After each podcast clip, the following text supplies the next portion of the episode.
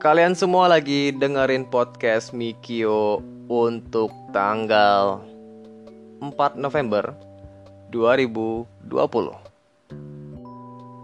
Kali ini akan gua mulai dengan masa-masa ketika kalian baru lulus SMA, ketika kalian lagi ngurusin administrasi kelulusan, ketika kalian lagi sibuknya di kampus untuk kuliah, ketika kalian lagi tes sana tes sini tapi tetap nggak lulus juga dan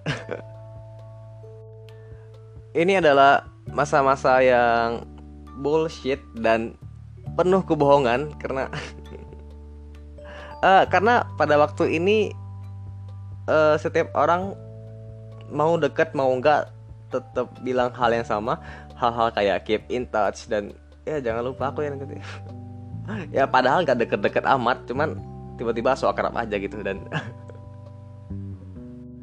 uh, karena harusnya tuh di lain sisi ini jadi momen-momen ketika uh, buat mereka yang uh, biasa aja dan patuh banget sama aturan terus yang masuk masuk aja dan PR lengkap tugas kerjain uh, waktu ulangan belajar uh, tapi tetap nilainya biasa-biasa aja dan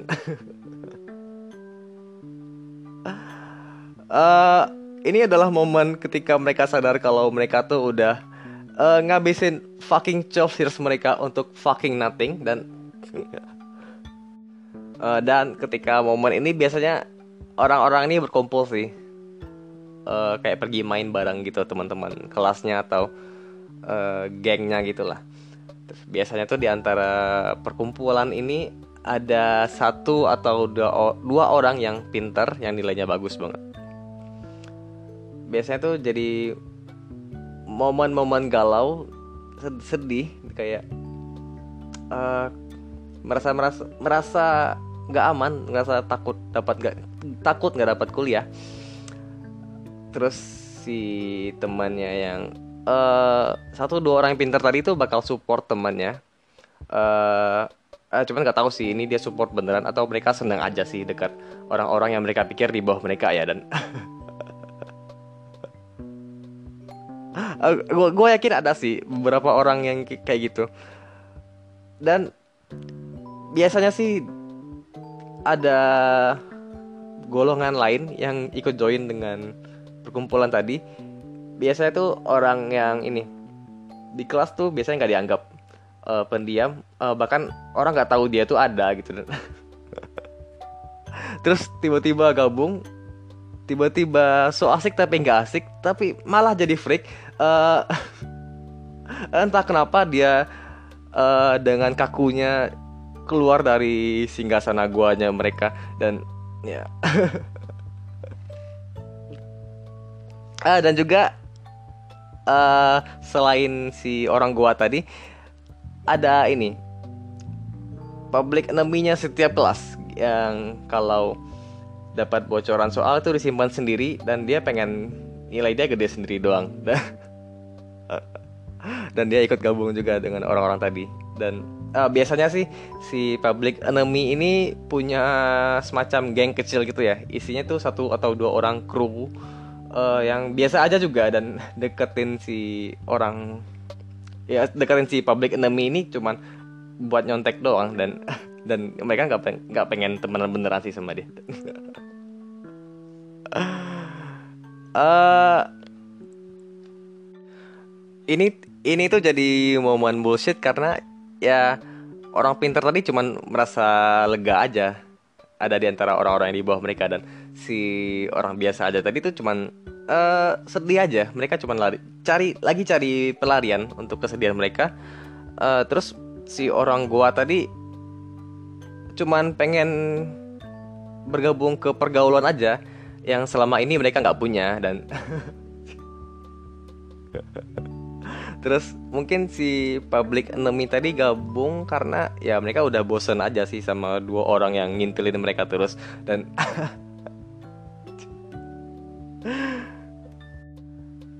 tapi apa sih yang diajarin sekolah ke lo selain bangun pagi jam tujuhan dan bang pulang jam tiga empatan. Um, dan selain cara menghafal uh, yang nantinya nantinya juga nggak lu pakai dan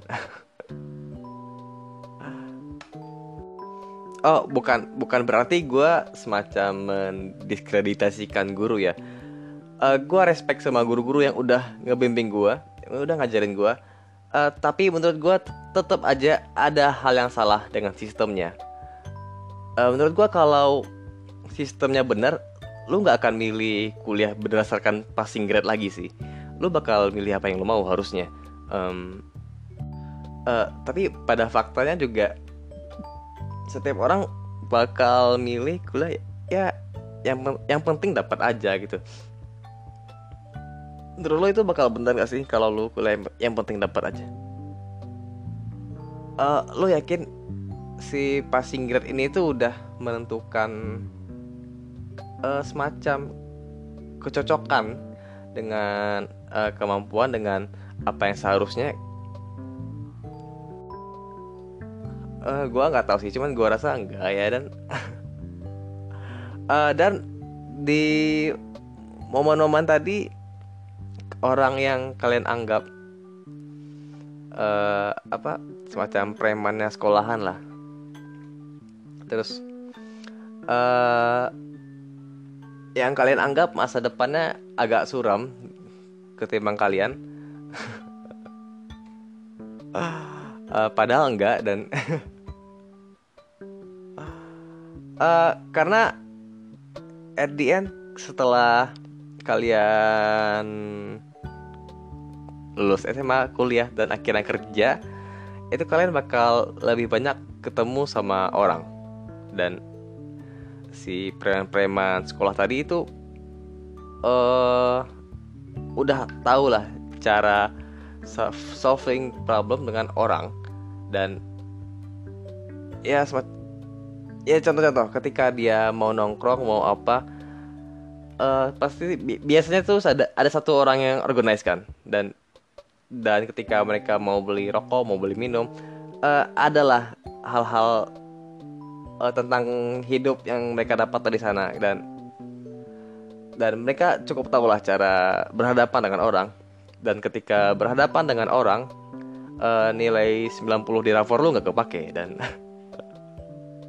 Uh, tapi gue juga nggak sepenuhnya semacam glorify golongan preman ini ya. Uh, kalau dia cuman orang yang ikut-ikutan yang nggak tahu ke mana doang, ya itu sama-sama aja, sama aja kayak orang biasa-biasa tadi. Cuman bedanya nilai dia lebih jelek aja dan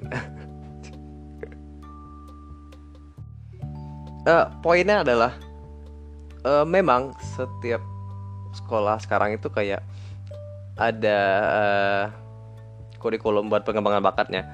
Uh, jadi mereka sadar lo tuh beda-beda. Uh, lu punya kemampuan yang beda-beda.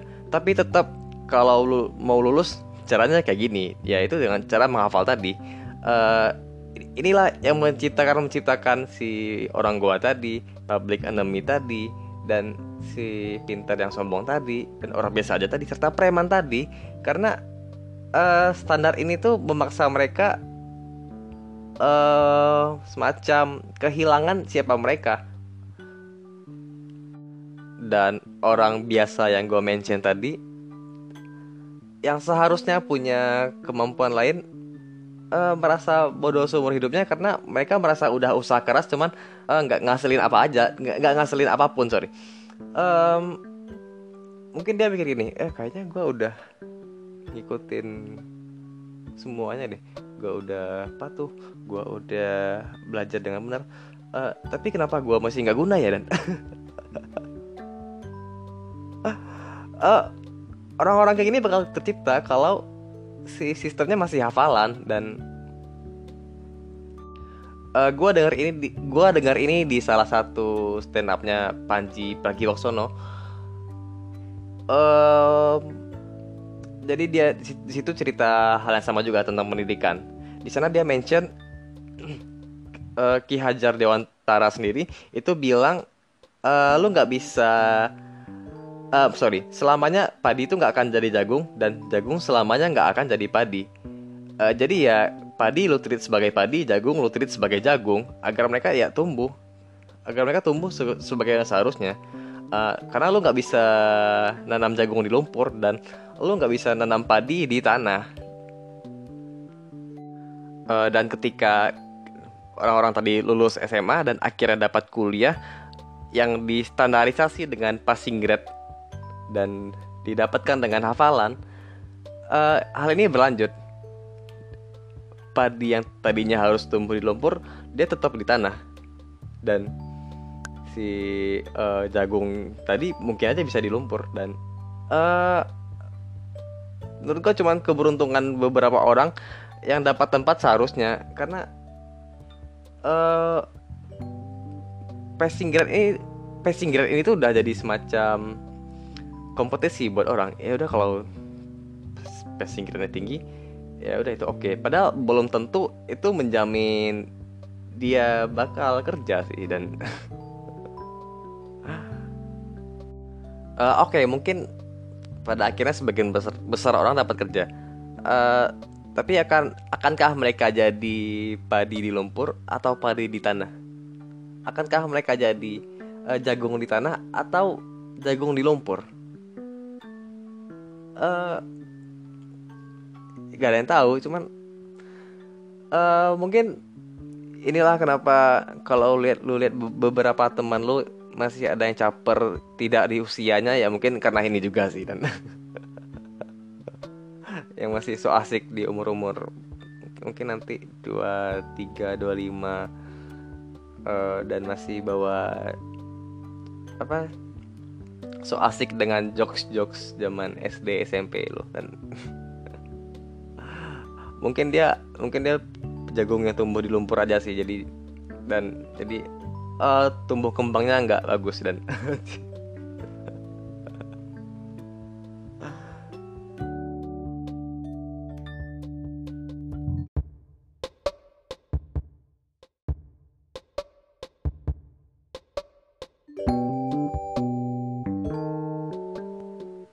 dan waktu zaman gua SMA itu standar kelulusannya masih dari dari nilai UN. Uh, uh, iya iya, effort lo selama tiga tahun dinilai dalam beberapa hari dan ya meskipun kebanyakan siswa nggak effort effort banget ya waktu sekolah. uh, biasanya banyak yang desperate pada masa ini dan mencari berbagai macam cara untuk lulus dan salah satunya tuh gue pernah tahu oh ini bukan kejadian di sekolah gue cuman gue pernah baca aja. Um, jadi dia ngeblender buku paketnya terus dicampur air kayak jadi jus gitulah jus buku paket apa. Terus uh, uh, uh, I don't know why apakah dengan apakah dengan meminum jus buku paket tadi uh, setiap materi dari buku paketnya akan mengalir ke setiap pembuluh darah lu lalu sampai ke otak lu dan membantu lu dan membantu lu dalam menjawab soal uh, gue nggak tahu ya. Soalnya gue waktu itu nggak mencoba cara ini sih dan uh, terus juga ada yang beli semacam kunci jawaban uh, yang entah dari mana tapi percaya percaya aja gitu. Uh, jadi biasanya itu bentuk kertasnya um, panjang gitu uh, udah di print. Oh iya kenapa gue tahu? Ya gue beli gue beli waktu itu. Dan uh, itu dipakai di ini. Biasa biasanya ditaruh di bawah meja di laci gitu dan uh, itu kertasnya panjang banget. Itu udah kayak jutsu Naruto. Itu lu salah gerak dikit gama bunta kepanggil dan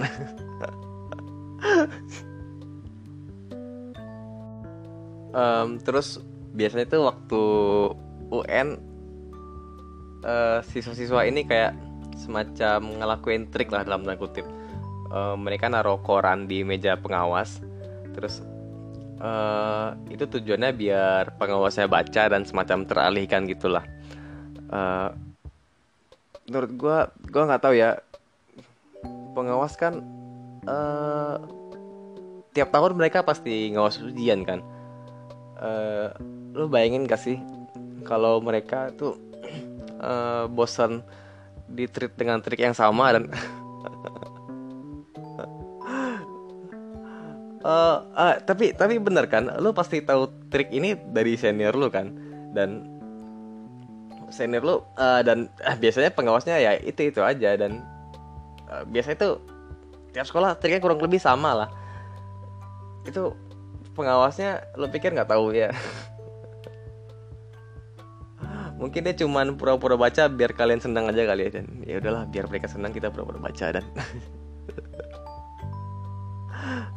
hmm, dan rata-rata kayak gitu ya. Pokoknya berbagai macam cara lah biar mereka lulus dan berbagai macam cara eh berbagai macam lah kejadian waktu-waktu ini itu dan uh, mungkin singkat cerita hasilnya keluar dan lulus semua dan yay mungkin ini karena gue minum jus buku paket kali ya dan terus ada satu orang yang minum jus buku paket juga tapi nggak lulus. Anjing gue nggak lulus padahal gue udah minum jus buku paket kenapa ya? Sudah sharing sama ini yang, yang minum jus buku paket tadi. Eh lu lulus ya? Lulus ya? Gue lulus. Uh, gue kok gue nggak gue kok nggak lulus ya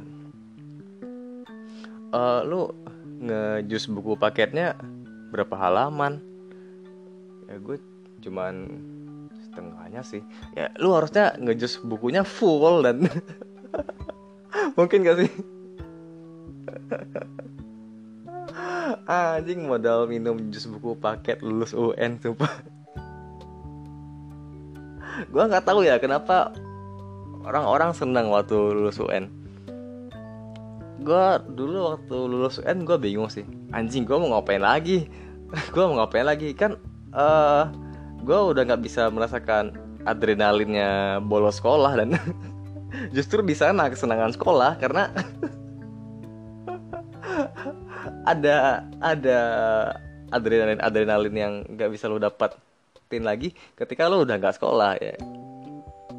Uh, kayak prepare pagi-pagi baju ganti uh, milih tempat bolos yang oke okay di mana dan lo nggak ngalamin lagi dan ah, gue ngapain lagi ya? Gue bingung waktu itu dan uh, terus uh, untuk alasan yang gue nggak tahu di masa-masa liburan gue ikut bimbel dan uh, yang mana tadinya semasa gue sekolah bimbel itu gue cuman uh, uh, daftar doang terus uh, sisanya cuma nama gue doang di sana. Uh, badan gue gak pernah di sana. Dan uh, gue bimbel dan waktu bimbel tuh gue diajarin cara ini trik ngejawab soal. Uh, ya kalau misalnya A salah B salah maka jawabannya ini. Kalau ini salah uh, wait wait wait. Gue kayaknya pengen belajar cara ini. Kayaknya kayaknya waktu itu gue pengen belajar materi deh. Gue bukan pengen belajar cara trik-trik untuk menjawab ABC ya dan gue nggak tahu kenapa trik-trik ini dan gue nggak tahu kenapa harus trik-trik ini harus diajarkan. Uh, mereka supposed to ngasih pemahaman ke lu dan uh, ngasih pemahaman pemahaman ke lu kan dan kenapa yang diajari malah trik-trik ini dan ya. Gue biar biar berapa juta cuman buat tahu ini. Ya udah kayak uh, uh, tapi itu beneran masa-masa yang uh, apa ya? Hmm, I don't know why kenapa gue tiba-tiba sosokan jadi orang bener dan buat ikut bimbel tadi. Oh itu bimbel buat ini SBMPTN uh, ujian tulis masuk PTN gitulah. Uh, padahal gue dari tengah semester uh, dari dari tengah kelas 3 itu gue udah didaftarin swasta di Bandung dan gue rasa mungkin orang tua gue cukup pesimis gue uh, gue akan dapat sekolah negeri eh sorry gue akan dapat kuliah negeri dan ya udahlah daftar di sini aja dan daripada kamu nggak kuliah kamu mending sana aja swasta udah. Nggak apa-apa nggak apa-apa mahal. Nggak apa-apa mahal yang penting kamu lulus dan uh, uh, ini beneran. Waktu gua dilepas buat pergi kuliah uh, orang tua gue wasiat gini ke gue uh, nak uh, nilai nggak apa-apa jelek. Yang penting kamu lulus dan uh, IPK nggak harus tiga. Yang penting kamu lulus. Dan dan yang penting kamu jalanin gitu dan dan, dan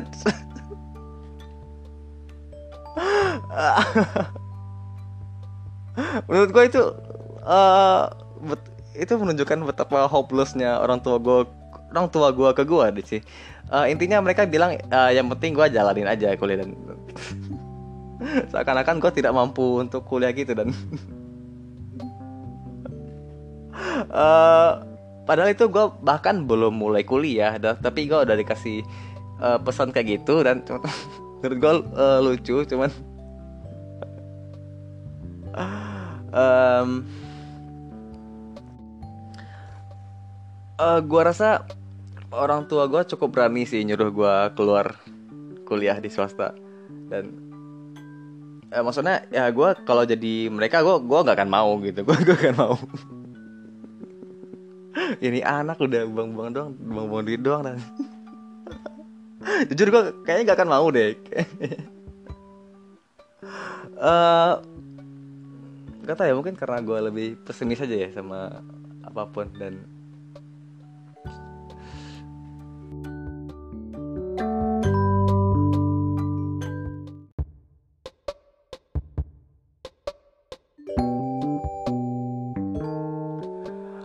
lulus kemudian kuliah. Uh, karena dan nggak tahu mau ngapain dan nggak tahu kenapa pokoknya kuliah aja.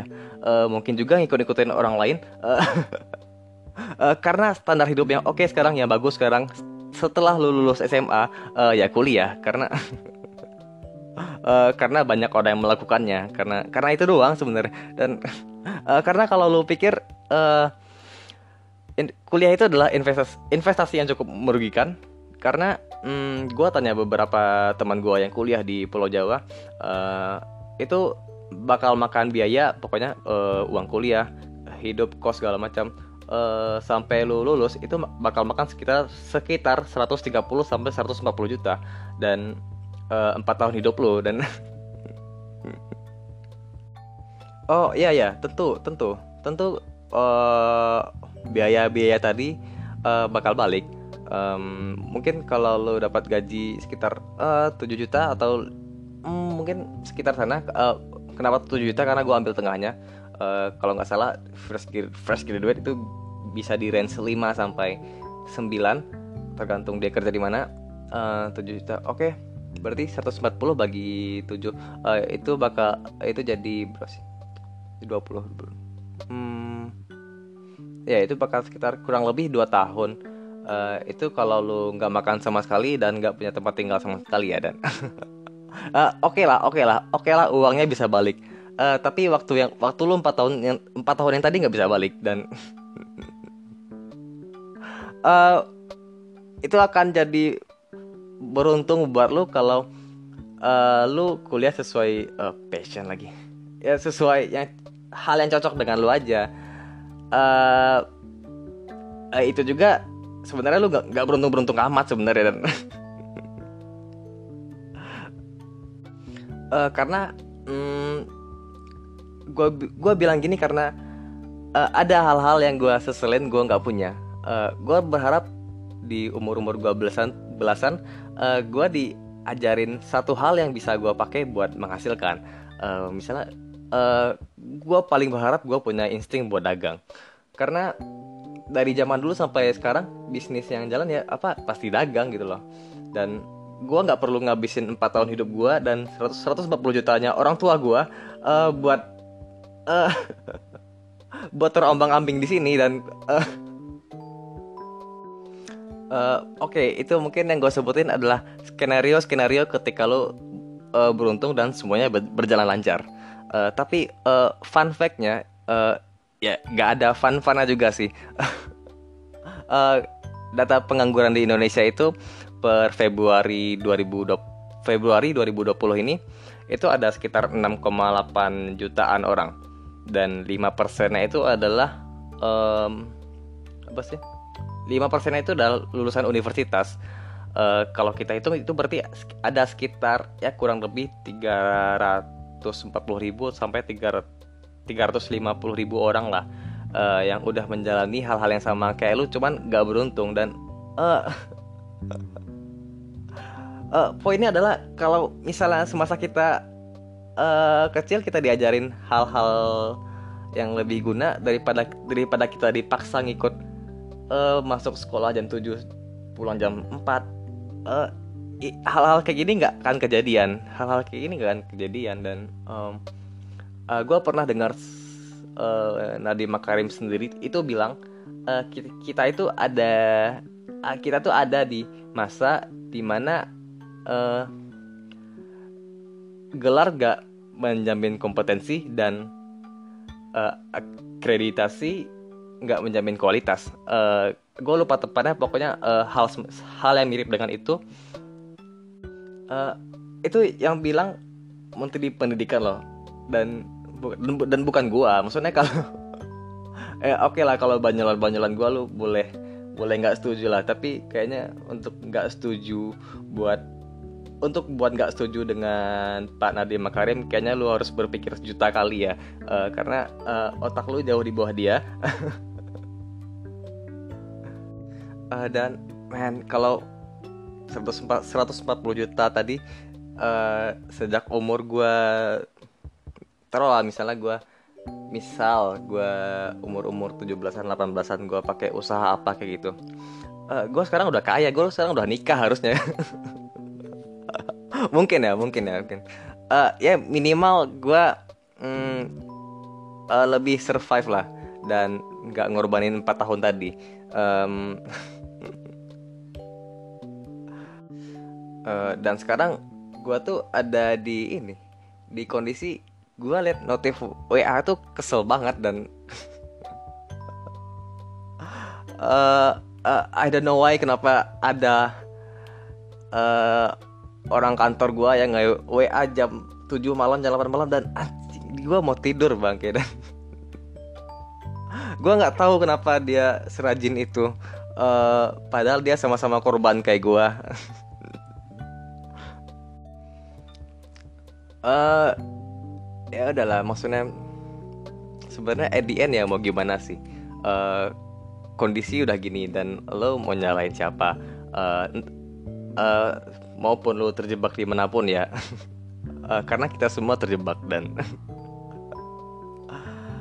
uh, tapi menurut gue masih ada hal-hal yang bisa bisa dilakukan sih. Oh ini bukan bukan motivasi motivasi kayak uh, Jack Ma mulai Alibaba di umur 55 atau Harlan Sanders mulai KFC di umur berapa gitu. Uh, it's fucking uh, Jack Ma dan it's fucking Harlan Sanders dan pasti mereka mm, punya uh, kejeniusan kejeniusan sendiri lah. Maksudnya uh, menurut gue cerita-cerita sukses gini nggak bisa jadi patokan karena setiap orang tuh beda-beda. Uh, uh, menurut gue apa yang bisa dilakukan kalau udah kayak gini ya lu keep keep searching lah mau ngapain kayak bisa apa kayak. Uh, nggak perlu sebesar orang yang gede-gede itu uh, minimal coba lah kayak hmm, ya mungkin kalau lo oke okay dengan masuk kantor jam 7 terus uh, pulang jam 5an jam 6an uh, 3, 3 jam lebih lama dari sekolah lo yang sudah lo lakuin udah berapa sih ada hampir seumur hidup lo sekarang dan eh hampir seumur hidup maksudnya sampai sekarang uh, ya ya oke okay aja sebenarnya cuman nggak nggak ada masalah nggak ada masalah. Cuman uh, menurut gua itu bakal uh, jadi apa ya penyesalan sendiri sih nantinya kalau lu nggak coba hal lain. Nggak uh, perlu besar karena karena karena kalau lu nggak coba lu nggak akan tahu. Dan balik ke tadi setiap orang itu kan uh, unik punya kemamp kemampuan masing-masing. Uh, siapa tahu kalau lu beruntung lu bisa nemuin hal yang menghasilkan dan lu nggak perlu kerja lagi. Nggak tahu who knows. Dan uh, dan balik lagi kan uh, tiap orang beda-beda punya keunikan masing-masing. Uh, mungkin memang ada yang enjoy dengan tetap pergi ke kantor tetap pergi ke apa tetap jadi PNS maksud gue uh, ini bukan hal kayak oh berhenti jadi pegawai buka usaha sendiri. Bukan. Uh, menurut gue lakuin hal yang menurut lu, lu suka aja sih. Ya kalau lu oke okay dengan itu ya uh, go ahead kenapa enggak? Tau lu bakal dapat lebih dapat jaminan lagi kan. Dan kalau lu memang uh, orang yang lebih kayak ya gue pengen coba hal baru ya coba aja gitu. Uh, intinya lu jangan sampai terkotak-kotakan karena terkotak-kotakan apa sih? Ya pokoknya jangan terlalu ikut-ikut lah. Um, kayaknya udah ya. Kayaknya uh, cuman segini hal-hal yang mau gue keluhkan. Uh, makasih udah dengerin gue bye